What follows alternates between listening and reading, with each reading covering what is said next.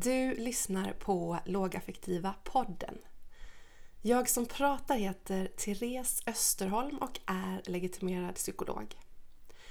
I det här avsnittet pratar jag med psykolog Bo Helskov Elfven, förgrundsgestalt för lågaffektivt bemötande i Sverige. Vi pratar om lågaffektivt bemötande utifrån tre verktygslådor. Hantera, utvärdera och förändra.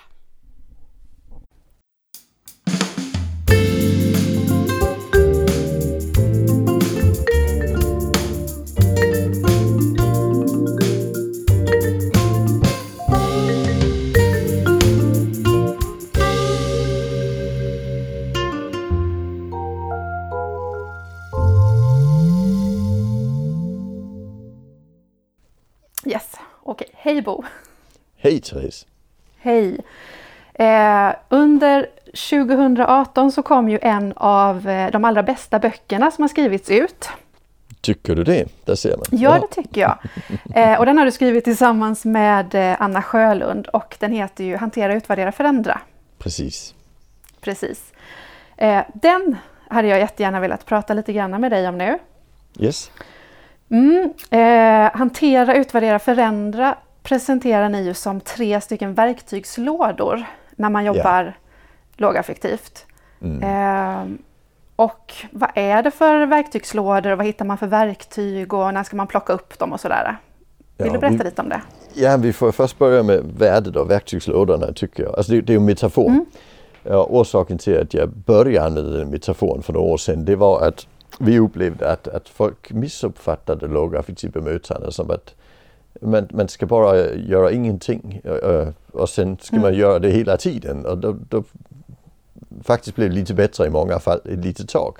Sen, sen efter ett tag så räckte det inte utan det blev oro och bristande förutsägbarhet och allt sånt här. Så, så vi var tvungna att, att, att, att säga till folk, ja men ni ska ju fortsätta jobba. Det är ju bara i konfliktsituationer ni ska liksom backa ett steg. Så det är inte så att man inte ska ställa krav. Det handlar bara om att sättet man gör det på och vilka krav man gör måste ju passa in i den humanistiska ramen, inte den som, som det lågaffektiva tänkandet ligger i. Eh, och, och, och, och sen börjar vi para det primärt med, med tydliggörande pedagogik då. Alltså det, jag tycker det är en bra kombination. Eh, med, de två metoderna tillsammans. Men, men för liksom att göra det tydligt, där har vi då gjort de här verktygslådorna. Så vi säger så att i den första verktygslådan, där har vi verktyg för att hantera eh, det som händer. Och det är ju oftast lågaffektiva verktyg som ligger i den i, i primärt.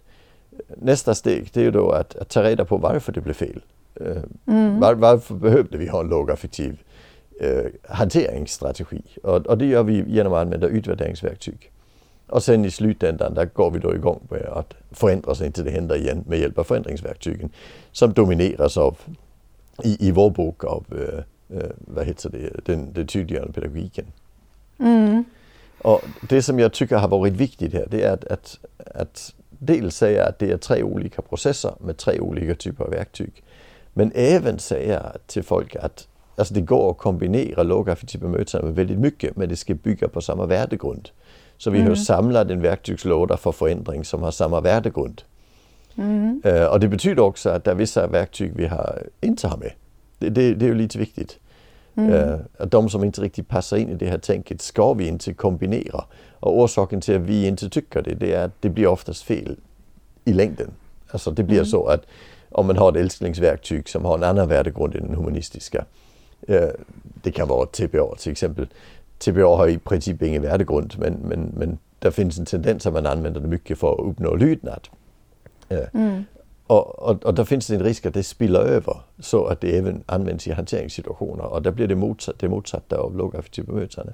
Och då blir det oftast väldigt våldsamt. Eh, Så, så det är egentligen för liksom att säga hur kan vi bygga ut det här som jag har sysslat med i snart 20 år nu, det lågaffektiva. Eh, Så att vi kombinerar det och, hit, och det får hitta sin plats i en sån större specialpedagogisk ram kan man säga. Ja, just det. Och om vi tar verktygslåda för verktygslåda nu. I eh, hantera-lådan, då säger du att där ligger de lågaffektiva strategierna. Så. Ja, det, och det är ju Vad, är det, vad är det för verktyg där och vilka situationer? Ja, det, det, alltså, det är primärt situationer där det blir stressigt, där det blir mm. uh, högaffektivt. Då måste vi dämpa situationen och det gör vi genom att själva vara lugna, uh, genom att undvika krävande ögonkontakt, genom att backa uh, istället för att gå framåt och, och, mm. och ge folk utvägar hela tiden. Alltså det, det, det är sånt som Ja, det, det är sånt som jag har snackat om i, i 20 år som sagt och som inte är så komplicerat egentligen men som ibland blir besvärligt för vissa som upplever att de måste vinna. Men det handlar mycket här om att nej, vi ska inte vinna. Vi mm. ska hantera. Mm. Och det är här och nu i den stunden som det sker? Ja, mm. absolut. Ja. Precis. Och sedan i utvärdera-lådan, vad hittar vi för verktyg där och ja, i alltså vilka det, situationer? Mm. Ja, men det, det, det, har vi lite olika verktyg. Vi har ett verktyg som jag har skrivit om förut, där man går igenom situationen steg för steg för att se vad var det som hände.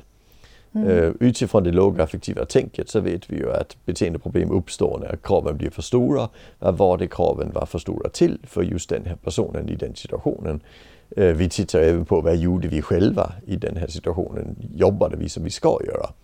Det är mm. ett verktyg som jag, jag kallar konfliktutvärderingsmodellen eller något. Uh, mm. Sen har vi ett, ett, ett verktyg som egentligen handlar om att kartlägga de här förmågorna lite mer i detalj. Eh, mm. alltså, och där vi använder bland annat i vardagen brukar jag använda Allsup. Eh, första sidan på Allsup, det finns gratis att ladda ner på nätet. Där man tittar på vilka förmågor är det som finns och inte finns. Men man kan även gå igenom listan på på svårigheter jag brukar använda. Det är den vi har i boken eftersom Allsup inte är mitt verktyg så det får jag inte trycka upp. Eh, men mm. där har vi det egna verktyget där vi går igenom. Men är det, är, det, är det problem med impulskontroll eller är det problem med förmågan att förstå orsak och verkan och så vidare. Mm. Sen, sen har vi ett verktyg som handlar om att kartlägga när saker och ting händer. Alltså är det, på, är det samma tid på dagen alltid och så. Också för att kunna förstå och få ihop det eh, med när det blir fel för att vi ska kunna mm. förändra i, på sikt. Och sen har vi även en, en, en stress och belastningsmodell som jag och Trine Yrskog gjorde för många år sedan. Där vi mm. också går in och säger att vi kan alltså kartlägga också vad är det för stressfaktorer som är i personens liv. För då kan vi kanske i, i nästa omgång se till att det inte uppstår igen det här beteendet som vi var tvungna att hantera. Just det, så det här, är ett, det här är olika verktyg som man eh, sätter sig ner tillsammans eh, och, och, tittar igenom och svarar på frågor och, och kartlägger för ja. att det inte ska behöva bli så där igen. Mm. Ja, absolut. ja. Det, det är målet, ja. Och i den tredje verktygslådan, förändralådan, vad är det för verktyg som ligger där? Du nämnde du nämnde ja. någon som inte rimmade så väl med lågaffektivt, det vill ja, säga TBA. Alltså, men vilka rimmar väl med lågaffektivt? Alltså det, det, den, hela grunden handlar egentligen om att vi har, vi har gått, gjort en genomgång av tydliggörande pedagogik utifrån äh, de här alltså hanterbarhet, begriplighet och äh, vad var det sista? Meningsfullhet. Meningsfullhet, ja precis, som är inte gamla Antonovsky-begrepp. Mm. men välkända i bland folk som har jobbat pedagogiskt och det är lätt att hänga upp det här tydliggörande sättet att tänka på just mm. de begreppen. Vad, vad är det egentligen personen behöver veta? Så, så där har vi en väldigt stor del av boken kring just dem. Men det är väldigt många verktyg som, som hör hemma i den, vad ska vi kalla det, tydliggörande ramen men som är allt möjligt annat. Det är samtalsmattor och det är uh, sociala berättelser och, och, alla möjliga verktyg som ju handlar om att förändra runt personen handlar om att ge personen överblick över, över vardagen. Och sen har vi även några verktyg som handlar om att ge personen möjlighet att, förändra sig själv om personen är intresserad. Uh, mm. och, och där, där är en del som kommer från det tydliggörande. Uh, jag tror vi till och med hänvisar till uh, Trine Yrskogs arbete i Danmark också. Det har vi inte så mycket med i detalj för det jag sysslar hon ju själv med. Uh, mm. Men, men, men det hon jobbar med hur kan vi använda en humanistisk tillgång till att gå in och snacka behandling också. Mm. Eh, det kallar hon för LA2. Och sen har vi även, eh, alltså när vi kommer till rena behandlingsmetoder, en, en modell för hur vi kan förstå när vilka metoder ska användas. Eh, mm. När vi har alla de här, alltså hos vem ska de användas, i vilka sammanhang och så vidare. För att få in det i det vi kallar en, en, en, en evidensbaserad praktik. Som mm. ju handlar om att, att vi ska ha metoder som funkar. Det ska vara på personens eh, egen initiativ eller i alla fall på personens att personen ska vara införstådd med valet av metod och att vi ska ha den kompetensen som behövs. Men även där är det viktigt att säga vad är det vi då gör? För vi upplever ofta att framförallt barn blir hänvisade till psykologisk behandling utan att de själva vill. Mm. Och, och, så kan man inte göra, utan då måste mm. vi ju skruva på omgivningen istället. Alltså, mm. Annars blir det inte evidensbaserad praktik i alla fall. Och det finns inga evidensbaserade metoder heller som handlar om hur vi får folk att göra saker när de inte själva vill. Alltså, Nej, precis. Så är det. Så mm. det, det, det, är så enkelt. Ja. Just det, så de här eh, verktygslådorna de framtogs utifrån att det blev mycket missförstånd. För vad är det för något som, vad är det för något som händer om man är i fel verktygslåda och plockar vid fel tillfälle? Ja, alltså den, den klassiska jag brukar prata om det är ju den situationen där folk säger att du ska städa för du har kastat med möbler. Det, är ju, mm. det, det, gör man ju, det är ju en förändringsmetod. Att vi hoppas att du då låter bli nästa gång. Men vi mm. gör det i en hanteringssituation. Och därför finns det ingen möjlighet för att det blir någon inlärning när personen precis har kastat med möbler. Då är alldeles för stressad. Så det är inte en klassiker, øh, men det finns ju många, många andra. Alltså alla de här metoderna där vi, där vi försöker tänka förändring istället för att tänka hantering. Jag, jag tycker det är de som är värst. Nej, vi ska inte avleda honom nu för då kanske han börjar göra sådana här saker för att bli avled. Alltså om vi mm. avleder till exempel med tuggummi eller något. Alltså, det, det, är en hopblandning av, av, av de här situationerna. Egentligen är det ju ingen, det är inget konstigt den här eh, modellen. Det är ju en kvalitetssäkringsmodell.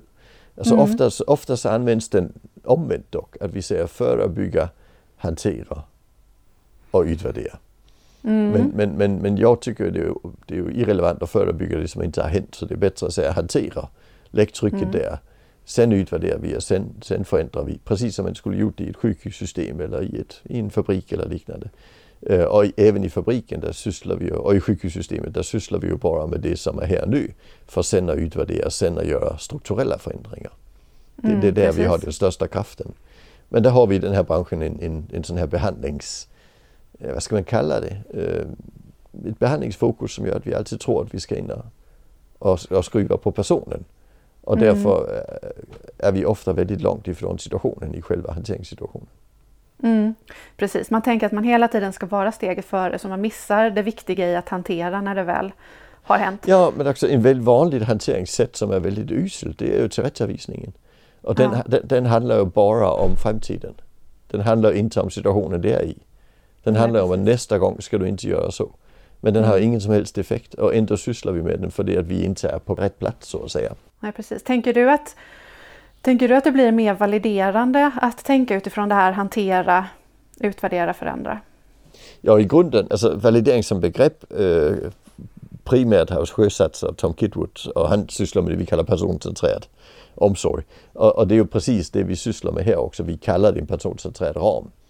Mm. Alltså där valideringen är central. Øh, men, men det är bara ett verktyg i, i förändringsprocessen. Men det gör ingenting vi använder valideringsverktyget i hanteringen också för det sabbar åtminstone inte. Även Nej, om det inte... Mm. Alltså, så det, det, det är bra verktyg att använda stort sett hela vägen. Mm. Øh, men det blir ju att, att, vi måste förhålla oss till det som händer. Vi kan inte ha moraliska funderingar över det som händer. Och det är egentligen det vi har från början av boken. Vi har hängt upp det på en etisk ram kan man säga. Och den har mm. vi inte använt så mycket kraft på. Vi har bara sagt att du måste köpa de här grundläggande förutsättningarna. Vill du diskutera dem, läs några av de andra böcker, primärt mm. jag har skrivit. Men här är det den här, vi jobbar med autonomistöd. Det är det som är målet, att hjälpa personen att vara självständig. Och nej, vi gör inte saker mot personens vilja och nej, vi gör inte saker som är skadliga eller farliga eller så. Det, det finns ingen orsak, utan det, det är liksom ramen och den är ju personcentrerad. Ja, precis. Eh, när du pratar om de här verktygslådorna så låter det som att det hantera och förändra som man lätt eh, förväxlar och det blir missförstånd kring. Just ja. själva utvärdera-lådan, är den, eh, glöms, glöms den ofta bort? Alltså i, i vardagen glöms den ju väldigt ofta bort. Alltså när, när, du lyssnar på debatten kring lärare just för tillfället, det handlar det om att de har fått uppdrag som handlar om att utvärdera mm. eh, sin egen undervisning och, och så. Och det, det kallar de då eh, alltså det kallar vi dokumentation. Mm. Men alltså vår dokumentation handlar väldigt mycket om utvärdering. Mm. Uh, och, och, och, och där, där, klagar man ju på att det blir för mycket dokumentation. Men i verkligheten blir det för mycket utvärdering. Så det är, det är en, en grundläggande tanke i väldigt många delar av det pedagogiska fältet att utvärderingen är onödig. Mm. Och, och, det handlar om att vi sällan har bra verktyg för att hantera. Vi, vi bara försöker förändra hela tiden. Vi, det, det, är inte så konstigt i pedagogiskt arbete, för pedagogik handlar ju om att förändra. Mm. Så vi har fokus på förändringen även när vi kanske borde först hantera och sen utvärdera innan vi bestämmer oss för vilken förändring det ska vara. Så mm. förändrar vi bara på volley. Eh, och där blir väl moral en, en viktig faktor tänker jag. Precis. När, när vi sysslar med det. Hur skulle man kunna få in de här tre stegen i en pedagogisk verksamhet eh, eller inom skola eller inom LSS eller inom, ja, vad skulle, skulle man kunna få in dem mer systematiskt då? Alltså, ja, de första försöken jag har sett är från 2003 eh, och vi har jobbat i princip med det alltid, att det här vi nu hanterar vi. Du ska inte hålla på och fundera över framtiden när vi hanterar. Det gör mm. ingenting att vi lägger av nu och sen går vi och köper glass istället, för det är en hantering. Men mm. det är dumt att köpa glass varje gång. För då kanske inte riktigt vi får saker och ting att funka. Så mm. varje gång vi har varit tvungna att avbryta och gå och köpa glass, då tittar vi på varför var det nödvändigt. Alltså det sättet har jag alltid jobbat på. För mig är det en självklar tanke. Liksom. Det är också en självklar tanke att vi jobbar med en tydliggörande ram, oberoende vad vi jobbar med. Alltså, mm. jag har bara inte formulerat det på det viset innan. Utan jag har trott att så tänker väl för fan alla. Och sen har det visat sig att det gör folk inte. Mm. Uh, uh, så, så, så, det har handlat för mig mycket om att göra, alltså hur kan vi, hur kan vi beskriva det här systematiska arbetssättet? För det är det det handlar om. Mm. Ja, eh, så där vi en lågaffektiv ram och en tydliggörande pedagogik är central. Liksom. Eh, mm. det, det, är egentligen det det handlar om. Mm. Så vi kan lyfta, och utvärdering där vi lyfter oss ett steg och, och tittar på vårt eget arbete. Det är också grundläggande i att, i, i, alltså vi kallar det ju reflexiv praxis också. Mm. Alltså det, det, det är en viktig del. Mm. Just jag tänker det kräver ju att man eh, har de här glasögonen på sig om man ska mm. sätta sig och utvärdera och fundera på vad var det i omgivningen och vad jag förväntade mig skulle funka och som tydligen inte funkade så. Eh, eh, hur, hur, skulle man kunna få in ett, ett stöd till personal att kunna se på sig själv i den höga utsträckning som man faktiskt gör? Är det med hjälp av de här äh, konflikt äh, eller affektutbrottsmodellsfrågorna som du har? Vad finns det annars för, för hjälp på vägen? Ja, alltså nu, nu, nu är jag psykolog och det är du också och, och, och vi har en grundläggande tanke om att utreda vi, där får vi ju lite koll på vad det är som händer. Sen kan mm. vi utreda personen, vi kan utreda situationen och så vidare. Det, det är ju vårt grundverktyg så att säga. Mm. Och, och, och, det är klart att det, det, är, det är hela grunden för att kunna tänka kring situationen. Men jag tror det viktiga egentligen det är att hitta metoder som hjälper oss till att plocka bort den här moraliseringen. Mm. Mm. För, för, du kan också ha utvärderingsmetoder med fokus på moralisering. Mm. Alltså, och, och, du kan ha massor med utvärderingsmetoder som är diffusa så det blir metod, alltså moraliseringsmetoder. Det, det sämsta jag har sett, det är det jag har sett flest av också. Det är den typen av utvärdering som där det står beskriva vad som hände. Mm, precis. För, för då skriver folk att han var väldigt provocerande och sen äh, sa jag åt honom på skarpen och så spottade han mig i ansiktet. Mm. Alltså, vi har ingen aning om vad som hände. Det var två moraliska mm. bedömningar kan vi säga som, som mm. läggs in i, istället för en konkret bedömning. Mm. Och, och det finns ju ingen annanstans i samhället där vi skulle lägga det moraliska perspektiv som vi gör i, i vård, omsorg och pedagogik. Så, så det gäller, hur kan vi lyfta till en professionaliseringsnivå mm. ganska enkelt. Och, och, det tror jag är nödvändigt både för att vi kan upprätthålla hanteringen i hanteringen. Så mm. vi inte börjar blanda in andra saker i den. Mm. Uh, och så vi kan, och när vi kommer till förändringsnivån, att vi inte bara gör förändringar på volley efter hur vi tycker det borde vara. Utan rent mm. faktiskt bestämmer oss för att det här, det funkar inte, vi måste göra någonting annat. Vad är det då vi ska göra? Mm. Alltså för, för annars är det en stor risk att vi, att vi lägger förändringsperspektivet på vad personen borde förändra.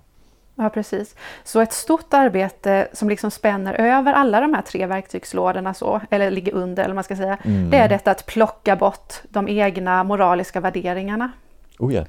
Det är ja. helt, grundlä helt grundläggande för, mm. för att kunna förhålla sig i pedagogiskt arbete. Det är att vi, det är inte, vi sysslar inte med grundläggande moraliska värderingar. Uh, och, alltså, det, det, handlar egentligen om det här med att men ska han få göra på det viset? Han mm. gör på det viset. Det är det som är viktigt. Och, och, därför är det inte viktigt om han ska få göra på det viset. Mm. Det, är, det viktiga är hur gör vi när han gör på det viset? Hur gör vi om vi inte vill att han ska göra på det viset? Hur ska vi då göra för att få honom att sluta? Det, mm. det är hela grunden i all pedagogisk arbete, ända tillbaks till de de gamla grekerna. Alltså, så jag tycker det det är inte konstigt. Men det vi mm. försöker göra det är att lägga en ram där vi lägger fokus på vad det som är effektivast. Och mm. det, är det, ju, det är ju mycket mer effektivt att skruva på omgivningen än att skruva på personen om personen inte är intresserad av att bli skruvad på. Mm. Och, det, och så är det ju oftast när, vi, när, när, när du eller jag jobbar. Det är ju mm. personer som funkar på ett annat vis än andra människor. Och då måste Precis. vi förhålla oss till det. Mm. För det här stora arbetet då med att prata om eh, att moraliska värderingar liksom kan eh, göra att min, liksom, min, min blick blir suddig och jag plockar, i fel, plockar fram fel verktyg och sådär. Hur, yes. sker det? Hur sker det arbetet? Är det genom att samtal, handledning eller hur plockar man ja, bort sina moraliska värderingar? Alltså, handledning är ett väldigt bra verktyg. Øh, jag tycker också att vi måste utvärdera. Alltså, utvärdering är ett bra verktyg för det. När, alltså, om du har en utvärderingsmodell där frågorna är ställda på ett sätt så att det inte finns några moraliska möjligheter. Mm. Det är inte det. Och den, de modellerna vi presenterar i boken øh, är just modeller som hela tiden tvingar dig att förhålla dig till vad kan personen och vad gjorde du?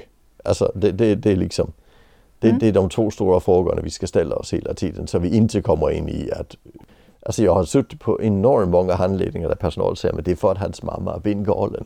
Och det är fullkomligt irrelevant för det kan vi inte skruva på. Så vi måste mm. titta på vad är det han inte kunde i situationen? Vad var det vi krävde för mycket av i situationen? Hur ska vi då mm. göra nästa gång? För att mm. stödja upp det här så att det funkar nästa gång.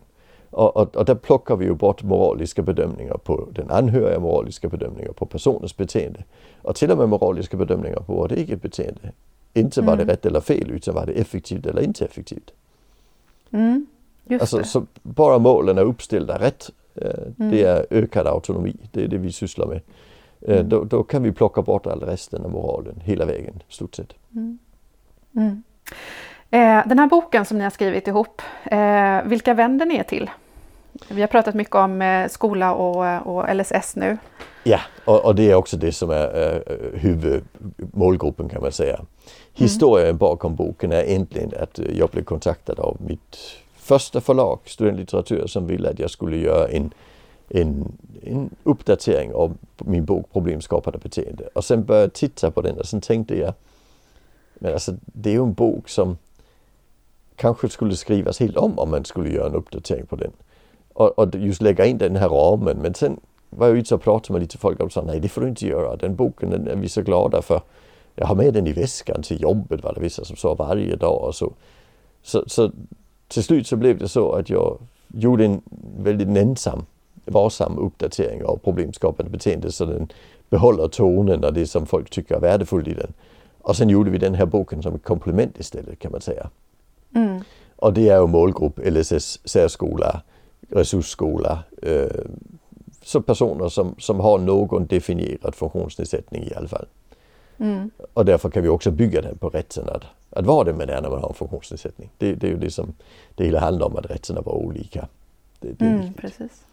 Mm. Så, så, men däremot kan man ju göra den här modellen fullkomligt sömlös kan man ju överföra den till skolarbete kring vanliga barn eller till förskolearbete eller äldreboende eller psykiatri eller vad man vill. För det att alltså, hantera, ut, hantera utvärderingar förändra, det, det är ingen större skillnad. Mm. Uh, och det är, inga, det är inga av de verktygen vi har i som är specifika till någon särskild grupp, grupp faktiskt. Utan det går att använda allihopa. Vi har uppställt kriterier för när ska du använda vilken metod och de funkar ju klockrent hela vägen. Men vi har valt att vinkla boken när det gäller case och så vidare till det fältet där vi upplever att det behövs mest. Och det är ju LSS särskola och så vidare. Mm.